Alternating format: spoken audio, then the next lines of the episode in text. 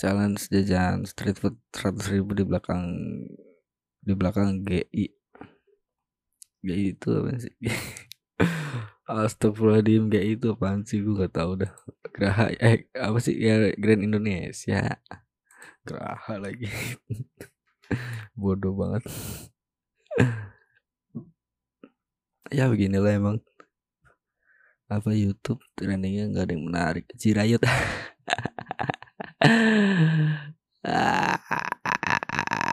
Jirayut dan Haruko yang pernah dibully dan hidup di hidup susah di negara asal.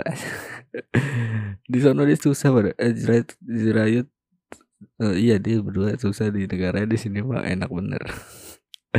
di sana nggak kepake di sini laku. Emang kenapa gitu ya? Emang selera kita payah banget sih. Emang ah YouTube mah begini-begini doang. Itu kenapa gue bikin podcast sendiri. Karena ya udah apa yang mau ditonton di YouTube. Semuanya kayak gini. Terus juga ada yang gue tonton juga paling di beranda gue si ini hantu lapor pak. Tonight show Radita Dika terus ah bosan kayaknya.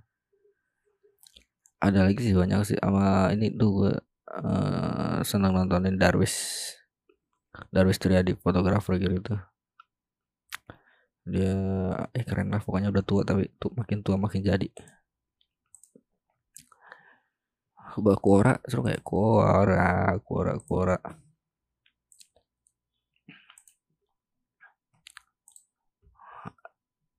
Kuora, hal paling sedih apa yang pernah kamu rasakan ketika menjadi anak menjadi anak kos makan sehari 2000 astagfirullahaladzim.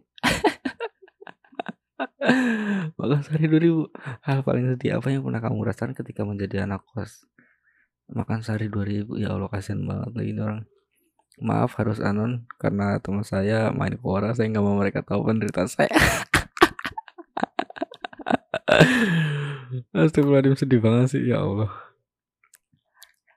Aduh parah nih orang nih. Ini parah banget ya. Aduh ini ini keren sih orang nih. Kita buka profilnya dulu. Eh nggak bisa lagi.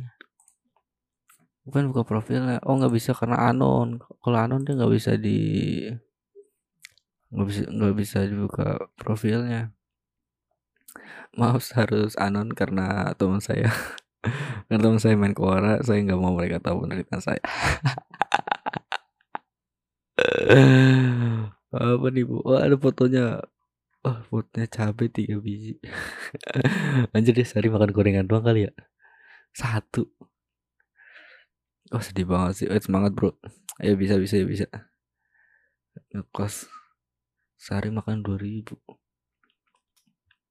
Saya adalah mahasiswa PTS di Bandung. Tidak lahir dari keluarga kaya saya lahir dari keluarga sederhana bahkan pas-pasan keinginan kuliah adalah keinginan orang tua padahal saya maunya ya kerja aja hitung-hitung bantu kebutuhan. Oke saya mulai ceritakan. Sedap. Gimana nih ceritanya nih? Kosan saya empat setengah sebulan. Empat setengah tuh empat setengah tuh apa kamar sepetak doang nggak ada lemari nggak ada kasur apa. Kasurnya pakai tikar oh ya ada paling kasur satu. Di, dikasih kasur satu itu di bawah tidurnya juga. Astagfirullahaladzim. Ah kasihan dia kasihan. Tapi kok lucu ya?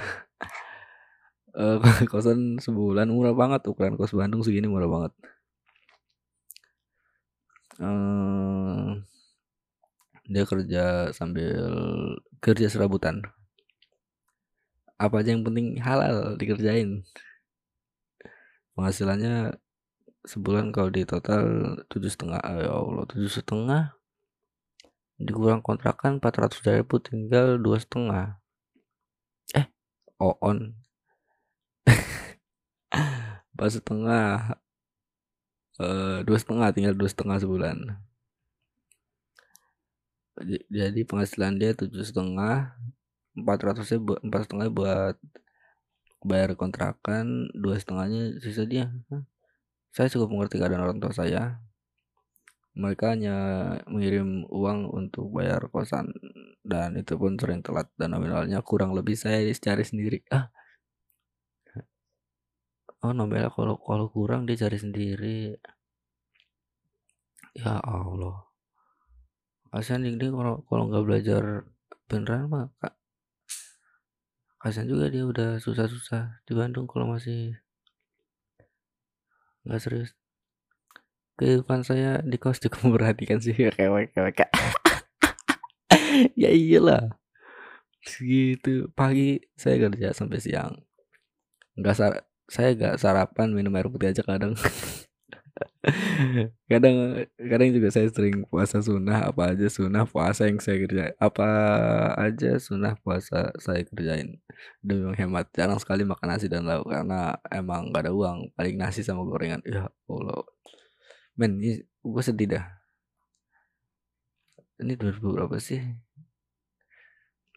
Eh, tiga ratus dua belas ribu tayang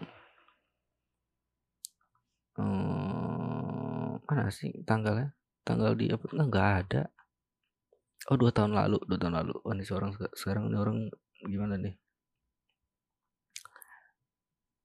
Hmm, makan sehari sekali atau kadang sehari hanya gorengan 2000 2000 ah 2000 per 3 maksudnya gimana? Makan sehari sekali atau gorengan sehari hanya gorengan 2000 dapat 3 atau mie instan begitu terus sampai tiga tahun kalau lapar lagi ya minum atau tidur saya juga senang sekali kalau ada temen yang bawa makan ke kosan alhamdulillah bisa makan enak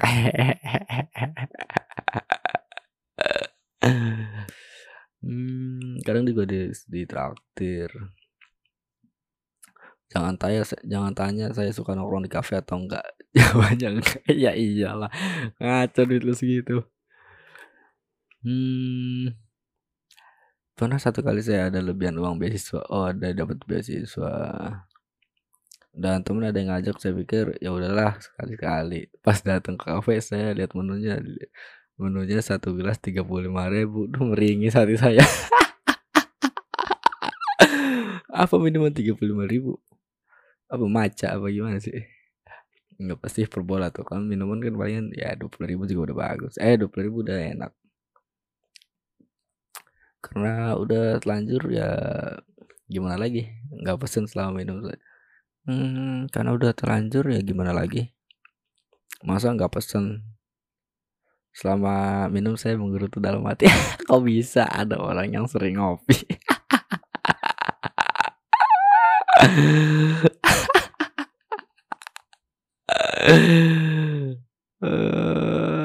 Pas pas datang kafe saya lihat menunya satu gelas tiga puluh lima ribu udah meringis hati saya karena telanjur ya gimana lagi nggak pesen selama minum ya gimana lagi selama minum saya menggerutu dalam hati kok bisa ada orang yang ngopi ada orang yang sering ngopi tiga bulan Makasih nih orang asli asli. Saya kalau saya selalu hemat listrik. Bagus. Kalau keluar kosan uh, mau ke kampus atau kerjaan saya selalu matikan KWH. Saya juga gak nyalain lampu kecuali malam dan kalau gelap banget nggak ada AC, TV, kulkas, cuma punya dispenser itu pun saya beli hasil ngumpulin pundi-pundi rupiah. Wah, budaya terbiasa jarang makan sejak di rumah saya sudah melakukan itu. budaya jarang makan. dulu makanan dulu makanan mewah kami sekeluarga hanya telur. Ya Allah kasihan banget sih. Dulu dulu jarang ada nasi. Dan harus tahan lapar sampai ibu saya bawa makanan. Ke bawah sampai sekarang saya tahan meski gak makan seharian. Oh, sedap. Oh, keren ya. Berarti dia uh, lambungnya kecil nih. Bahkan ketika menulis ini saya baru sadar kalau tiga hari nggak makan nasi. Terus makan apa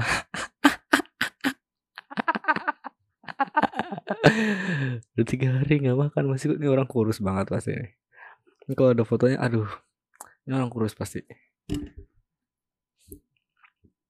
Kemarin dikasih roti kukus dari tempat kerja.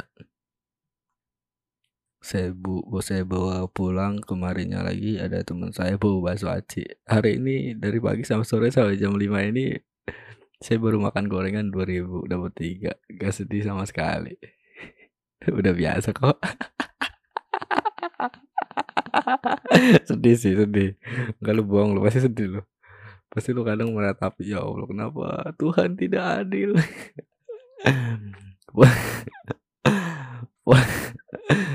Pola hidup seperti ini membuat saya menjadi toge alias paling kecil di di pergaulan. WK WK WK teman saya subur-subur soalnya.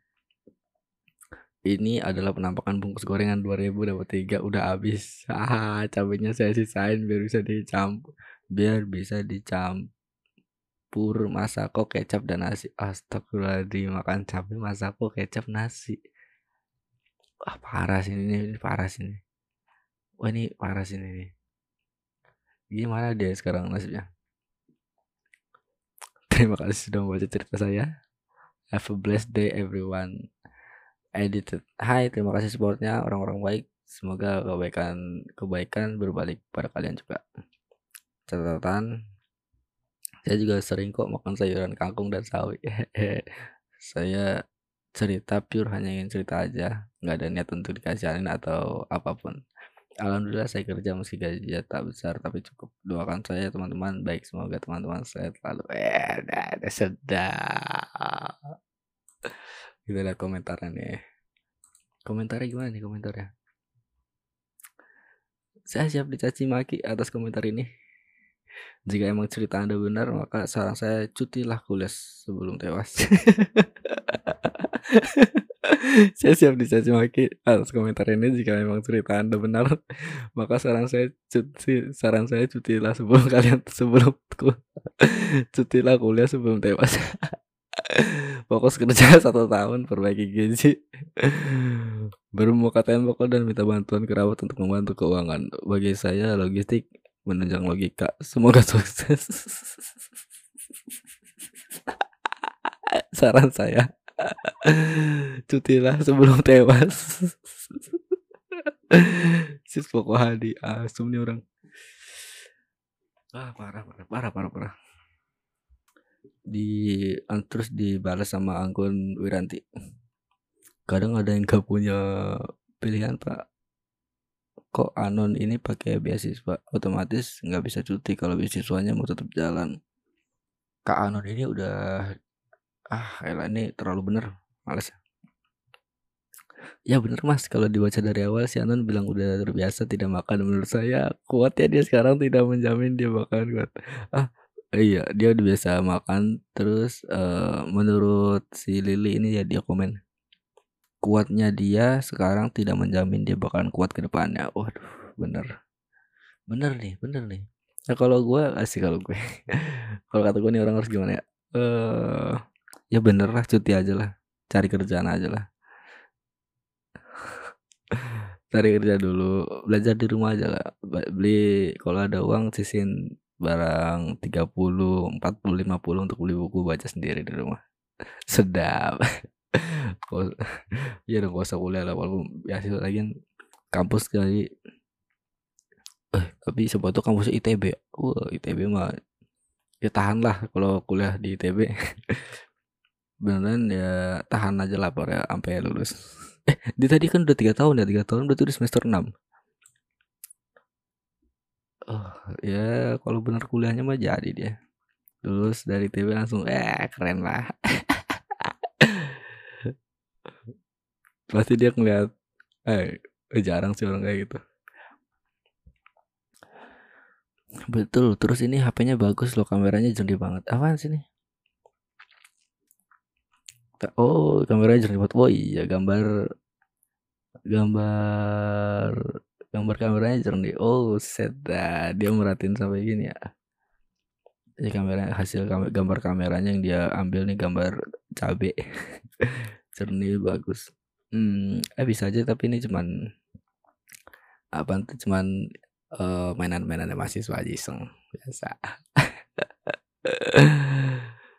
uh, dia iseng bikin cerita lucu aja gitu uh, betul kalau aku jadi teman anonim Gak tega banget pasti. Ayo Anan orang baik masih banyak kok di dunia. Kamu harus mencintai kesehatan kamu. Wes. Ah, udah kali ya. Ada apa lagi seru? Mic dimatikan oleh pemimpin. Oh, dimatikan oleh pimpinan DPR. This is democracy. Emang sepel emang kalau dengerin orang udah disuruh tahan ngomong masih ngomong mulu. Matiin aja mereka bener nggak usah lagi demokrasi demokrasi gitu orang juga pada nggak ngerti disuruh diem waktu yang ngomong dia ngomongnya ngaco dia udah disuruh dia masih mau ngomong terus bener itu mah matiin aja lah Kenapa di Indonesia Alfamart atau Indomaret tidak membuka lowongan part time untuk mahasiswa seperti di Korea? Wah ini seru nih. Kenapa dia nggak buka part time? Tapi nggak menarik sih. Kayaknya nggak menarik ya. Ah nggak menarik ah.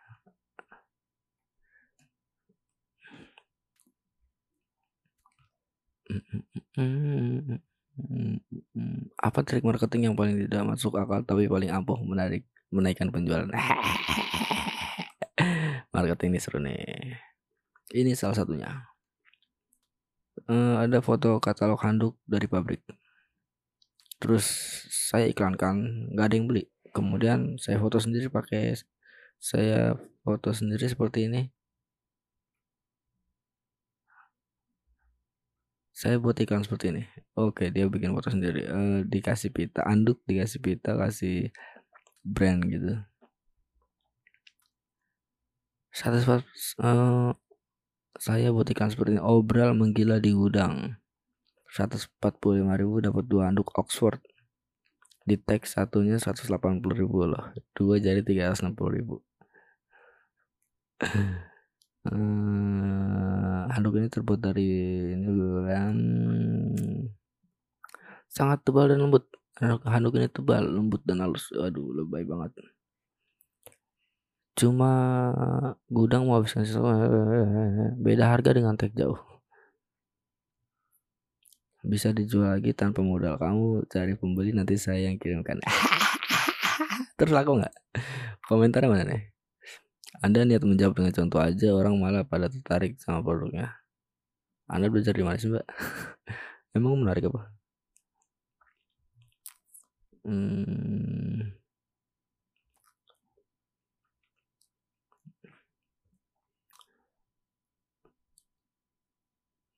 Apaan sih? Lebay gitu dong bagus. Pada pengen beli langsung. Pada latah aja kali. Kemarin diajak temen ngopi di Fore. Dia baru balik, mau balik, mau berangkat balik ke kosan, mau balik lah. Dari rumahnya mau ke, mau ke kosan dikasih dikasih emaknya 150 ribu untuk minggu ini awalnya nggak mau ikut ngopi takut sampai kemalaman akhirnya dia nyusul temen-temennya lagi pada ngopi. Sampai lokasi dia bilang Fore lagi full pindah tempat sebelahnya. Aku lagi aku bilang oke oke aja. Habis itu sudah dikit lagi sampai temenku nelfon kalau nggak jadi ke tempat itu pindah lagi ke Starbucks. Aku telepon udah bilang nggak mau ke sana keluar keluar kata aku gitu. Tapi sayangnya putus-putus jadi temanku nggak denger. Nggak mungkin putus-putus sih nggak mungkin putus-putus. Dia gengsi kali mau nolak akhirnya dia ke Starbucks uh, terus dia bilang ke temannya keluar aja yuk. Tapi mereka udah terlanjur pesen ini kali pertama aku ke Starbucks dan beberapa temanku yang lain juga uh, teman-temannya juga baru sekali ke sono oh gaya-gayaan cerita anak muda lagi kayak ini karena kita semua tahu kalau tempat itu mahal tapi gak tahu kenapa Kali ini mereka berani buat masuk. Terus akhirnya pesen pesan yang paling kecil. Terus dia minta yang non cafe, masnya nyaranin passion fruit apa gitu aku lupa. Aku bilang oke okay, itu aja. Terus karena ini pertama kalinya temanku udah duduk jadi aku gak bisa nanya mas mas masnya nanya aku pakai es krim ya mbak Aku kira es krim itu udah satu paket sama minum itu. masih nanya mau pakai es krim nggak? Terus dia jawab iya pakai mas. Terus terus eh, terus masnya bilang kalau gitu saya ganti ke yang besar ya kaunya aku agak gak denger pas itu tuh. Eh, terus dia dia nggak tahu masnya ngomong apa terus dia jawab aku jawab iya gak apa-apa. Tolongnya aku yang selalu selalu jawab iya pas masnya nanya mau. Masih tiap nawarin dia jawab ya mulu. Aku aku kira itu sudah sepaket atau kayak sebagian dari minumannya. Dia, dia aja udah sepaket gitu. terus pas mau bayar aku lihat komputer harganya enam puluh ribu. Jadi aku masih oke okay lah ya oke okay lah enam puluh ribu. Hmm. ternyata pas bayar seratus ribu kaget bener kaget. Aku jadi kaget ada minuman harganya harga makanan all you can eat atau seharga udon dan jajannya. Pas mau kasih uang tangannya gemeter. Karena dia nggak pernah minum nggak pernah masuk minuman seharga segitu sebetulnya. Ya udah jadikan pengalaman hidup ketololanku ini. Wah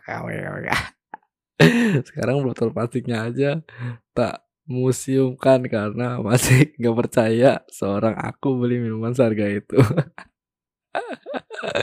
Habis bang makannya selama seminggu untungnya aku bawa pop mie sebelum ke kos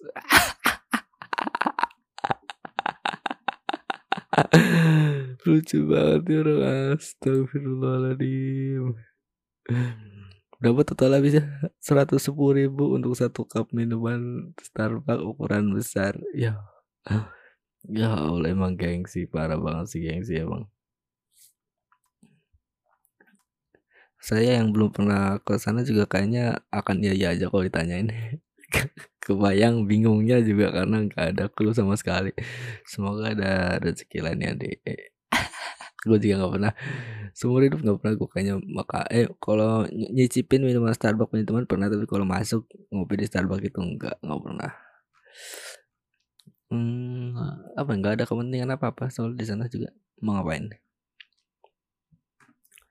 Oh komennya langsung perlu sekali untuk tugas menolak karena dari yang saya baca Kasir-kasir Starbucks ini lihai menjebak. Yang sering gak sadar cuman jawab ya or tidak. Dan sekali ter, dan sering kali terjebak saat ditawar tambah topping ini itu. Weh, iya. Pakai topping ini enggak udah kopi aja pokoknya enggak usah pakai topping aneh-aneh. Udah itu aja gitu. Berarti apa yang ada di pikiranmu pada saat ini? Wah, ini boleh nih. Ada orang-orang pada mikirin apa sih? rasa takut akan masa depan aduh emang ini agak mengerikan nih gue juga takut. Hmm, yang saya pikirkan hari ini adalah pasti saya nggak wedding kawin. Su suatu saat karena tanda-tanda kiamat adalah populasi cowok sedikit.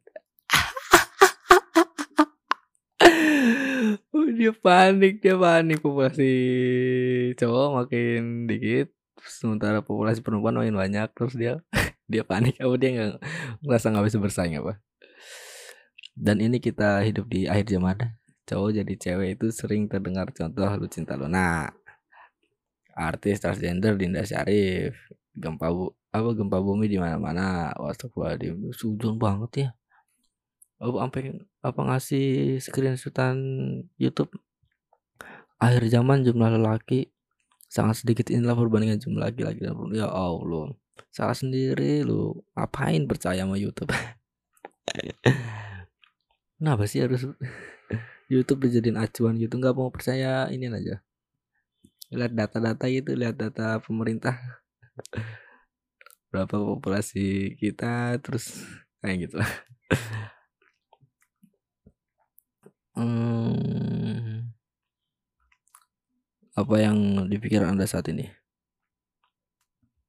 Apa? Sekarang lagi suka berkebun, ya oke okay lah, keren ya orang. Berkebun. Duit, duit, duit, dan duit. Bikin aja duit dong. Mikir kok besok udah Senin aja. Ya ya lah, banget sih. Aku ingin sembuh dari anxiety, anxiety disorder. Waduh.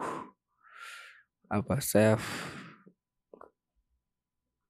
apa sih? Eh, apa ngeklaim diri sendiri gitu. Nggak tahu lah. Ada apa lagi nih?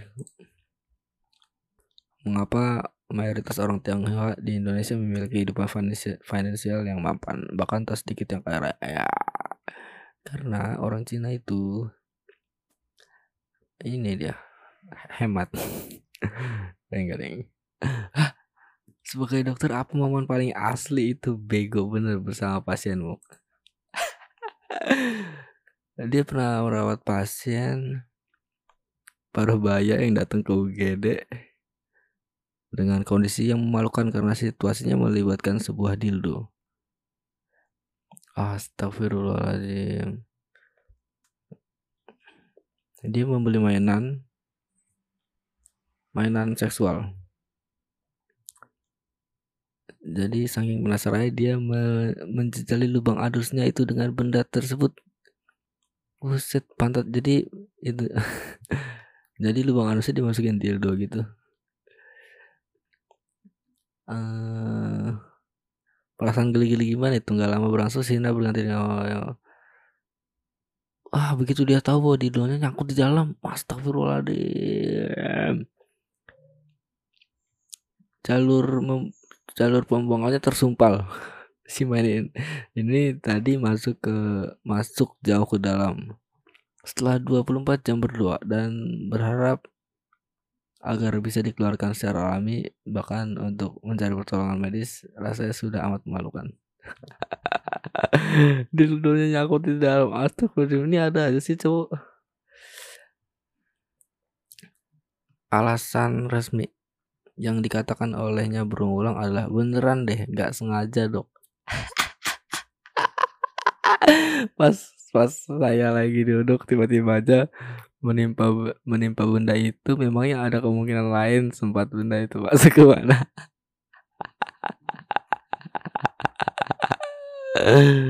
Waduh alasan nggak sengaja sih. Ya iyalah malu sih.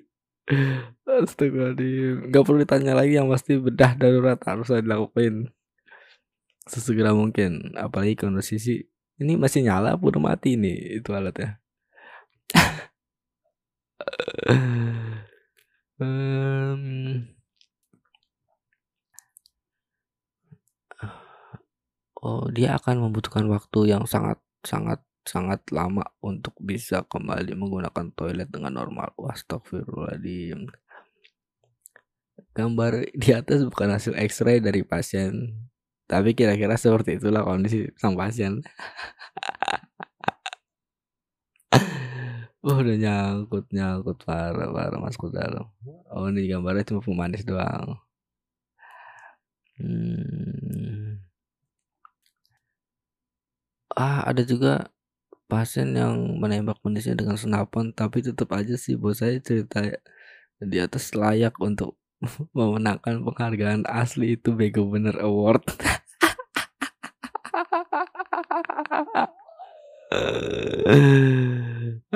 Asli bego banget award.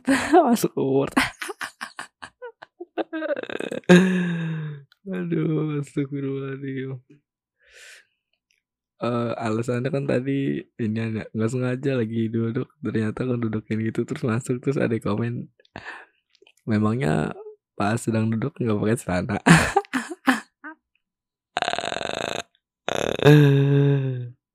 Guyonan ketika kerja di rumah sakit emang ada aja sih. Contohnya seperti cerita pasien yang dia yang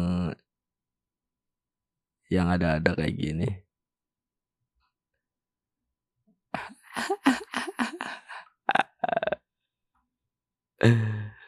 Kacau, ya malu lah. Masa ya ngaku saya lagi ini Mas, apa sih kok? Lagi anal Mas? Tiba-tiba masuk.